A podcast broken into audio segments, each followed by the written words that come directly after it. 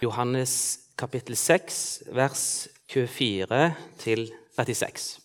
Da folk så at verken Jesus eller disiplene var der, gikk de i båtene og dro over til Kapernaum for å lete etter ham.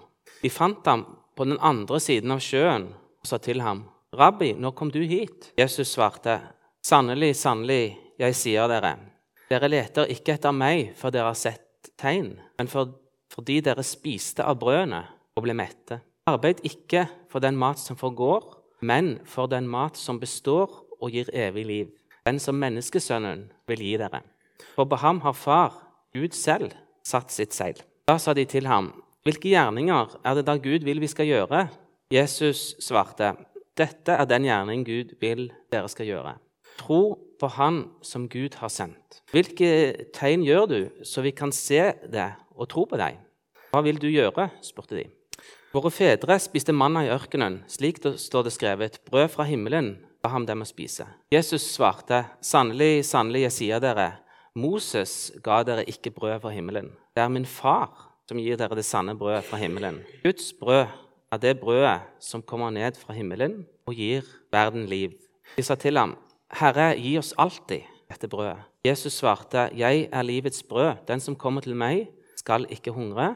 Den som tror på meg, skal aldri tørste. La oss be. Kjære far, takk for dine gode ord. Takk for at du alltid vil sørge for at vi har nok. Takk for det nåde og kjærlighet som overgår vår forstand. Herre, må du åpne våre hjerter, slik at vi kan få kjenne hva du sier oss både i dag og ellers, Herre. I ditt navn, Jesus. Amen. Vi kan her se at um, folket som hadde hørt Jesus, begynte å lete etter Jesus. Like før Johannes 6, dette man nettopp har lest, har Jesus metta 5000 foruten kvinner og barn.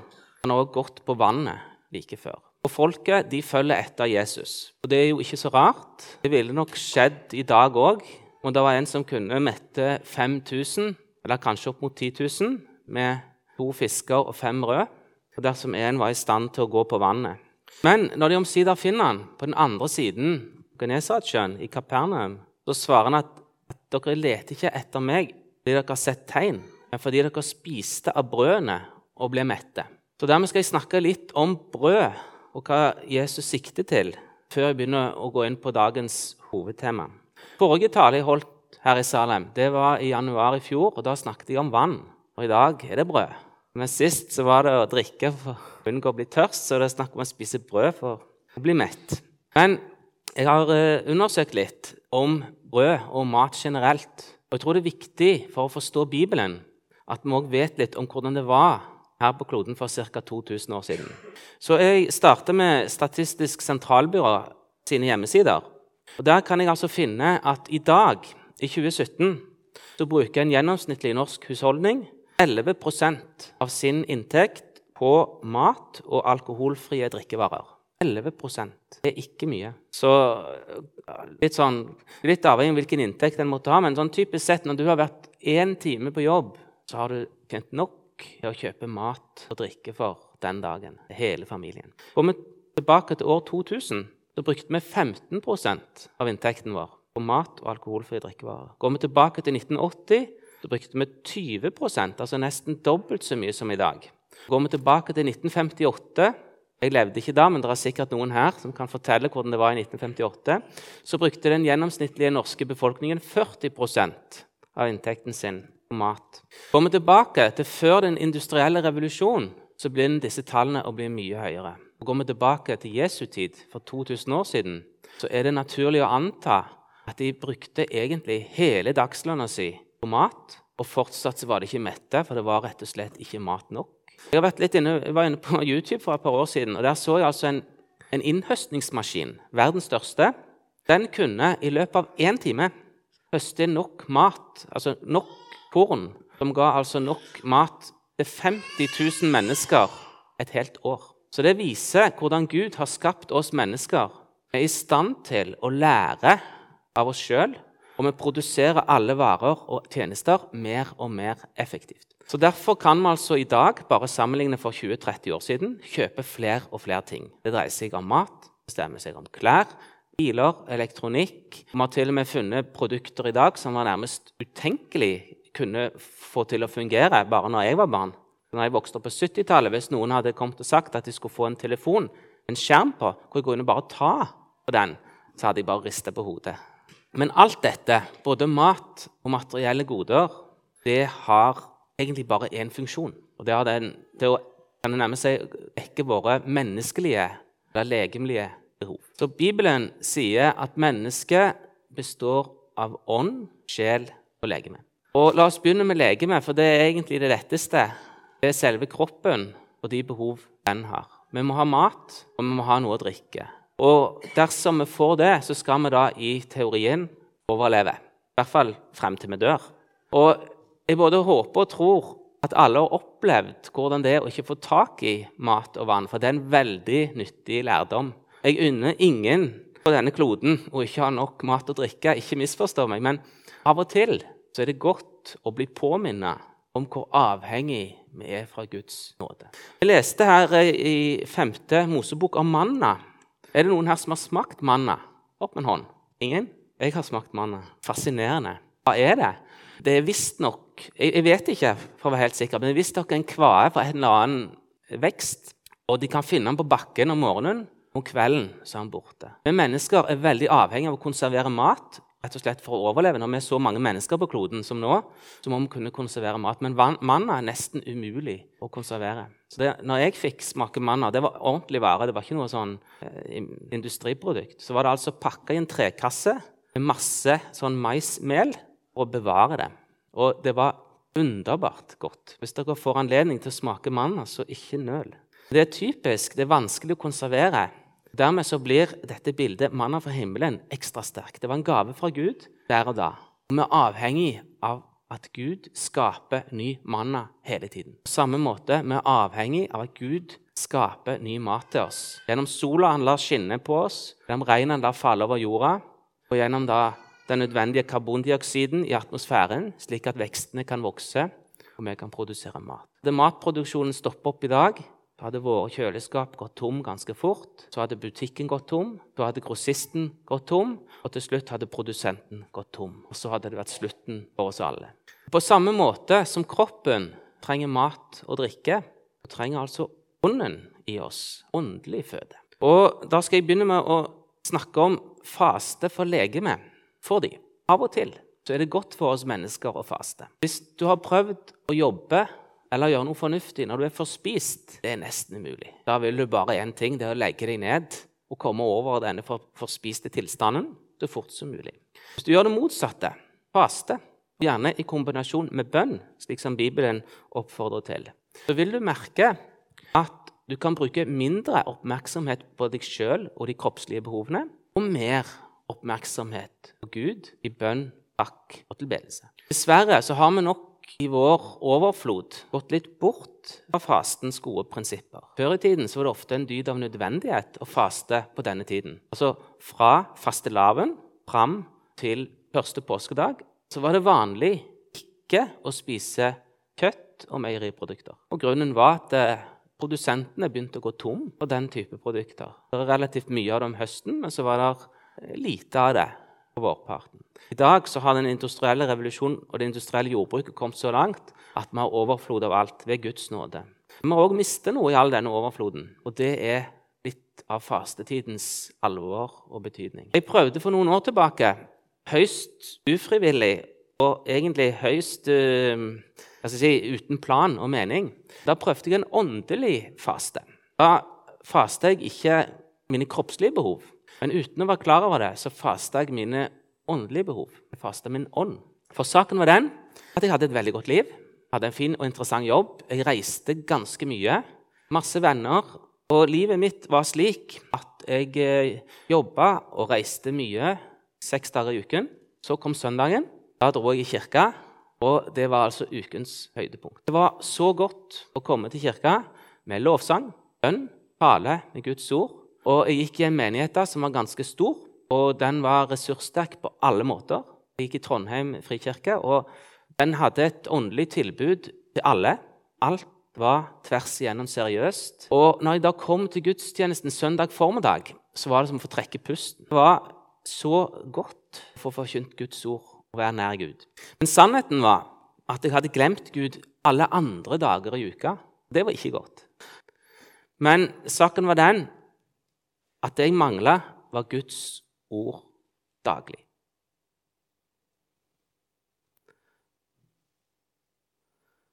Og Som vi ser i teksten, så snakker altså Jesus om et brød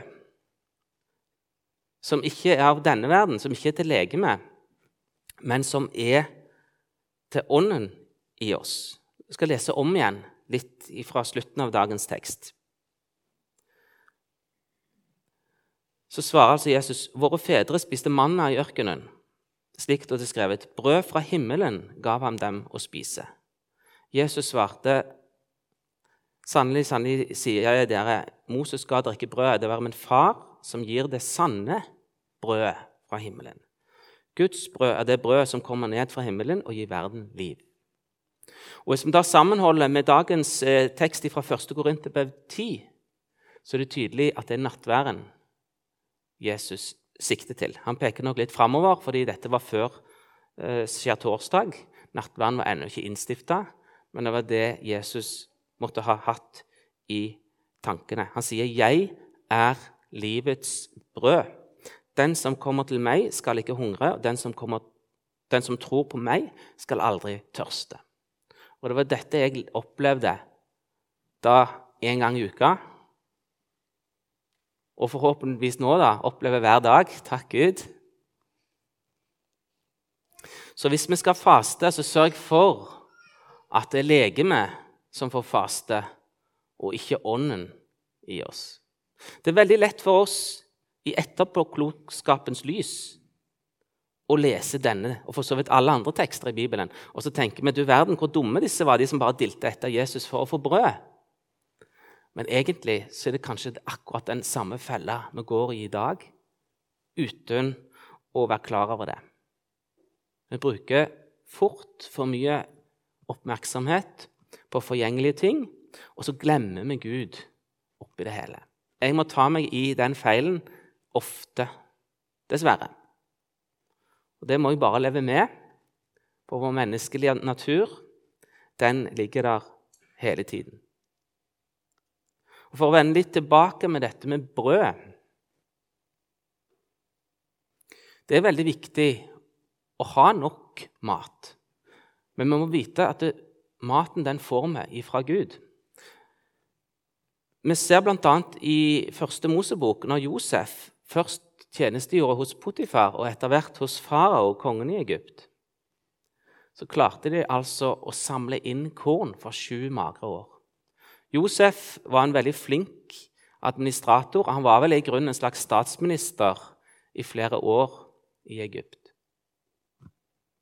Og jeg vil, jeg vil konsentrere meg litt om Egypt. De fleste av oss som har litt, et minimumskunnskap om Egypt i dag, det vet jo at det er mye ørken der. Egypt sliter på mange måter. Og, men saken var den at under Jesu tid så var det ganske mye korn i Nord-Afrika. Sahara var Romerrikets kornkammer. Romerriket, som er da omtrent midt i jernalderen, begynte ved at de nedkjempa Katargo, som bodde nord i Afrika. Og der var det korn. Det var nesten ikke veier på den tiden, så det var veldig effektivt å seile skip over fra Roma til Afrika, hente kornet der, så kan de frakte det tilbake på kjøl. Så hadde de altså lett tilgjengelig korn, og de hadde altså en transportvei for dette kornet. Så Den gang var klimaet mye bedre. Det var langt varmere på kloden den gang. Betydelig varmere enn de såkalte dystre spådommene for å si i dag. Da. Betydelig varmere. Og Det har òg vært betydelig varmere i middelalderen. Fra, altså det var en varmeperiode fra 1005 til 1001 før Kristus. Det var en varmeperiode fra 300 år før Kristus til 100 år etter Kristus. Og så var det fra 900 til 1002 det var en varmeperiode på kloden. Da var det mye enklere å dyrke korn. Selv om det absolutt ikke var enkelt med den datidens metoder. Så Egypt har alltid, alltid brukt mye hvete i sitt korsthold. Og hvis jeg ikke er helt feil informert, så er det verdens største importør av hvete. Egypt. Så den arabiske våren for, som begynte delvis i Egypt for noen år siden. Den starta med at uh, i verden gikk ned. Noe som egentlig er helt nytt, for den øker hele tiden. Og prisene ble veldig høye, og brødprisene økte. Og Dermed så protesterte folk. Og jeg tror bare det var én en eneste arabisk leder i hele verden i alle de 53 arabiske landene som overlevde den arabiske våren. Og Grunnen var at folk folket ikke fikk brød eller mat. At det ble for dyrt.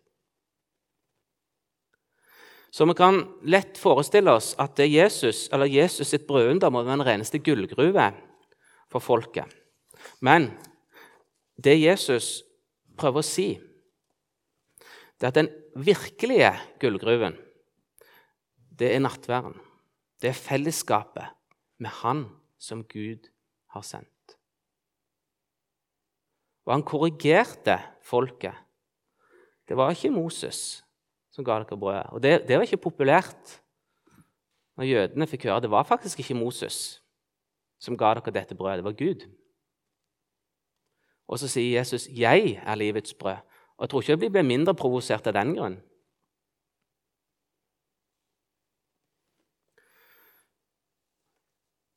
Så her må vi altså vite, for det første, på vårt personlige plan så har det litt med prioriteringer å gjøre. Å huske å søke Gud gjennom bønn, gjennom ånd og gjennom nattværen.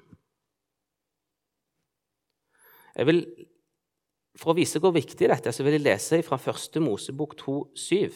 Det er fra skapelsesberetningen. Der står det Han, altså Gud, blåste livspust i nesen på det, og mennesket ble en levende skapning. Så hvis vi ser på skapelsesberetningen, som stemmer påfallende godt med hvordan mennesket mener at livet oppsto Rekkefølgen er lik. Så står det at han skapte dyrene, men med menneskene så ånda han på dem. Derfor har mennesket ånd, mens dyrene ikke har ånd. Det skiller altså mennesket fra dyrene nemlig at Gud har ånda på oss. Gud har skapt oss som et åndelig vesen. Og Det er jo egentlig ganske enkelt. Selv om dette med ånd kan være vanskelig og abstrakt for oss, så er det veldig enkelt å forstå hva det er når vi sammenligner oss med dyreriket. For eksempel, du kan aldri få et dyr til å sette seg i gjeld. Det er umulig. Nå kan nok mennesker til en viss grad kommunisere med dyr. I hvert fall kan nok en dyrlege finne ut til en viss grad hva som feiler pasienten da, ved å, å, se på vedkommende, eller, eh, vedkommende dyr eller gjøre visse undersøkelser. Men hvis noen hevder å kunne kommunisere med et avdødt kjæledyr, eller med et, et eller annet, gjennom et eller annet medium, så er det ikke bare feil, men det er av det onde. Vår ånd skal kommunisere med Gud og Den hellige ånd og bare Han. I et fellesskap, kristent fellesskap. Og denne ånden, den trenger føde akkurat som vår kropp. Og denne føden, det er lovsang, det er fellesskap, det er bønn, og fremfor alt nattvær. Jeg må innrømme at en av de tingene jeg er mest redd for, det er å måtte stå og tale om nattvær. Og det er jo akkurat det jeg gjør i dag. Så egentlig så hadde jeg litt angst når jeg oppdaga dagens tekst var. Fordi jeg har hørt en del teologer tale veldig flott om nattværen. Og jeg må bare innrømme jeg kan ikke det. Så skolert teologisk er jeg ikke. Men når jeg leste dagens tekst, så ble, fikk jeg en veldig indre ro. Og det er jo ingen teologisk forelesning jeg skal holde. Jeg skal bare si hva som står. Og det er jo ikke alle gitt å kunne pløye like dypt teologisk heller, men det er alle gitt å ta imot. Så egentlig så er dette med nattværen i all sin uforståelighet veldig enkel. Du skal bare gjøre som Jesus har sagt. Han har sagt Skal bare finne det igjen. Jeg er livets brød. Den som kommer til meg, skal ikke hungre, og den som tror på meg, skal ikke tørste. Han har også sagt, arbeid ikke for den mat som forgår, men for den mat som består og gir evig liv, den som menneskesønnen vil gi dere. Og Dette er absolutt ingen oppfordring til å slutte å jobbe og, og slutte å gjøre en skikkelig innsats. Bibelen sier jo 'be og arbeid', men det er snakk om å finne den riktige balansegangen. Dersom vi arbeider for mye, og i hvert fall i dag, så er det fort gjort å få for mye. For mye penger, for mye gods og gull, for mye mat. Det er mange som har spist seg i hjel. Og da glemmer vi Gud. Og ikke bare at vi glemmer Gud, vi kan fort tro at vi kan klare oss uten Gud. Og det er en veldig farlig vei å gå. For hvis en blir lurt til å tro en kan klare seg i egen kraft, da er det bare spørsmål om tid før det går nedenom, bokstavelig talt. Og jeg har sikkert i likhet med alle som sitter her, gjort alle disse feilene. Glemt Gud, stolt for mye på meg sjøl, og så går det galt. Og jeg ser av og til når jeg underviser Jeg underviser i matematikk av og til. Av og til på universitetet, av og til i andre sammenhenger. Så har jeg merket det at det er ikke bare viktig å få mine studenter til å forstå teorien. Og det er ikke bare det å få dem til å øve, men det er òg det å få dem til å tro på at dette kan jeg få til. På samme måte kan man også trekke det for langt og få for stor tro på at dette skal jeg få til, dette har jeg gjort tusen ganger før, og så glemmer en Gud. Så vi må alltid ha Gud med oss. Vi må alltid ha Gud i tankene. Men vi skal ikke la det liksom medføre at vi melder oss ut av denne verden. Så Uansett hva vi blir spurt om, så kommer vi drassende med noe åndelig. Nei, la, la, oss hele tiden ha Ånden i oss og bruke Ånden på det riktige tidspunktet. Det er mye, mye rart en ser i dag.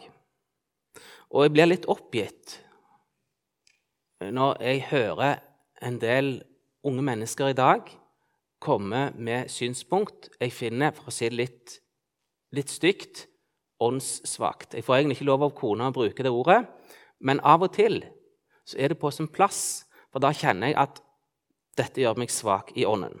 Jeg har bl.a. hørt unge mennesker diskutere hvorvidt det er riktig å spise kjøtt eller ikke, ut ifra et etisk standpunkt.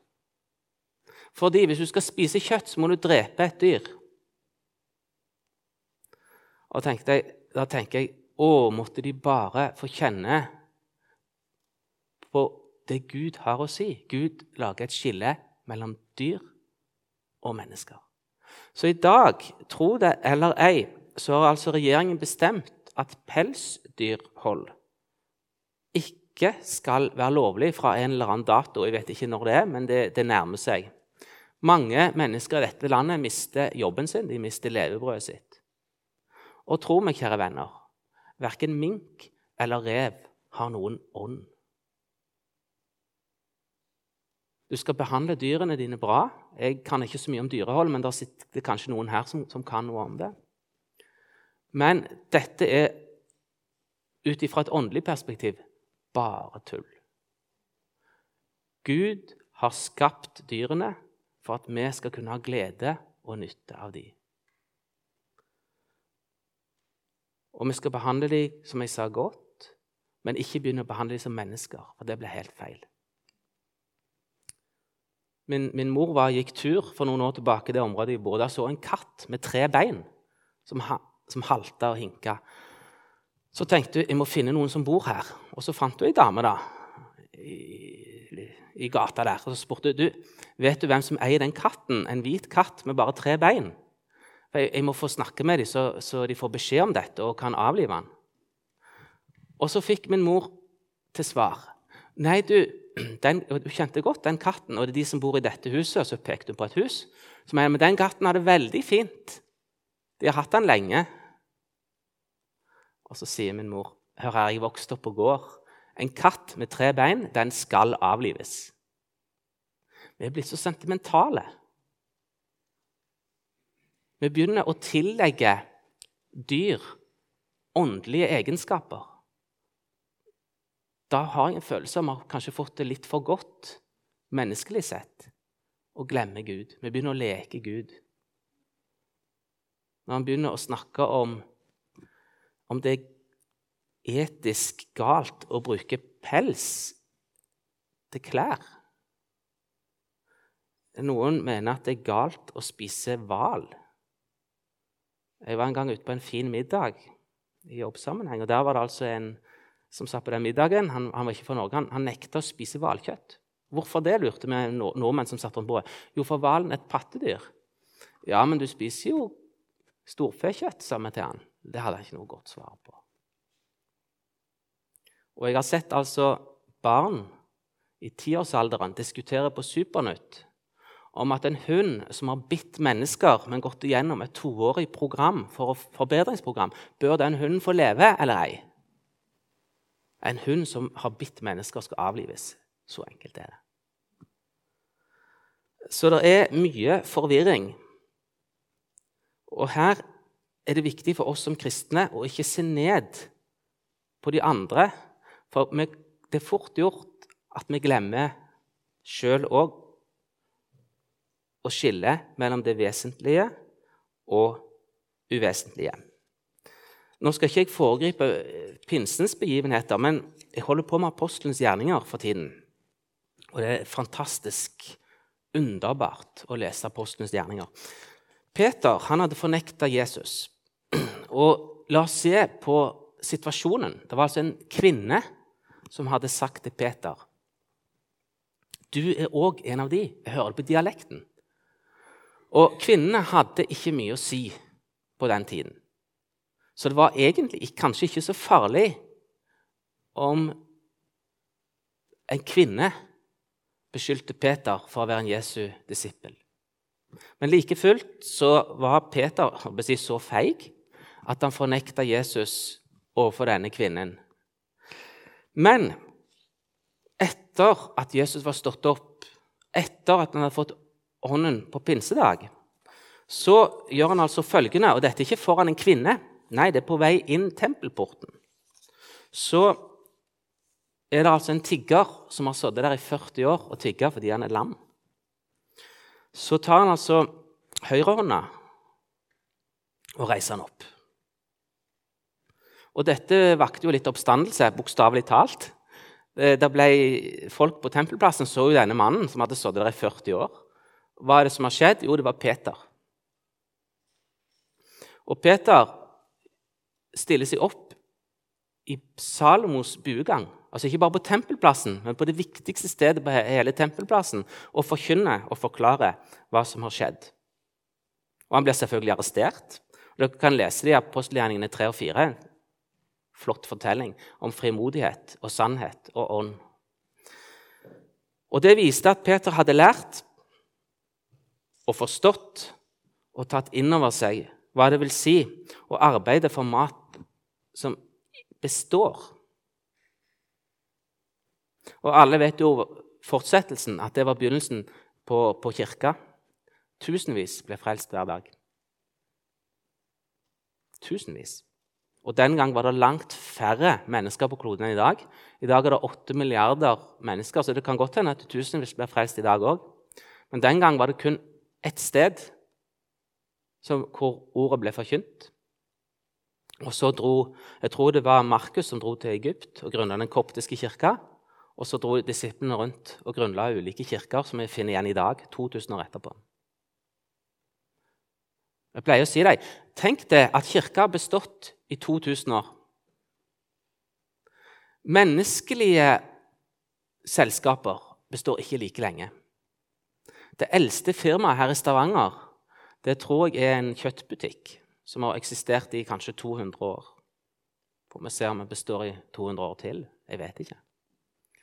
I 1974 så var Kodak et av USAs største selskaper. Det var på topp ti. Det hadde patenter, det hadde en svær aksjekapital. Det hadde laboratorier, det hadde fabrikker, det hadde dyktige ansatte. Det hadde alt en, kommersielt selskap skulle ha. I dag er det bare rester igjen av det store selskapet. Det kommer til å skje med alle aksjeselskaper før eller siden. Romerriket besto i mer enn 1000 år, men sjøl det måtte gi tapt. Men Guds ord det lever sterkere enn noen gang. Det som Jesus sier i Johannes 6, er riktig. Arbeid ikke for den mat som forgår, men for den mat som består og gir evig liv. Så ikke bare det at Guds rike skal bestå så lenge jorda består, det skal òg gi evig liv. Amen.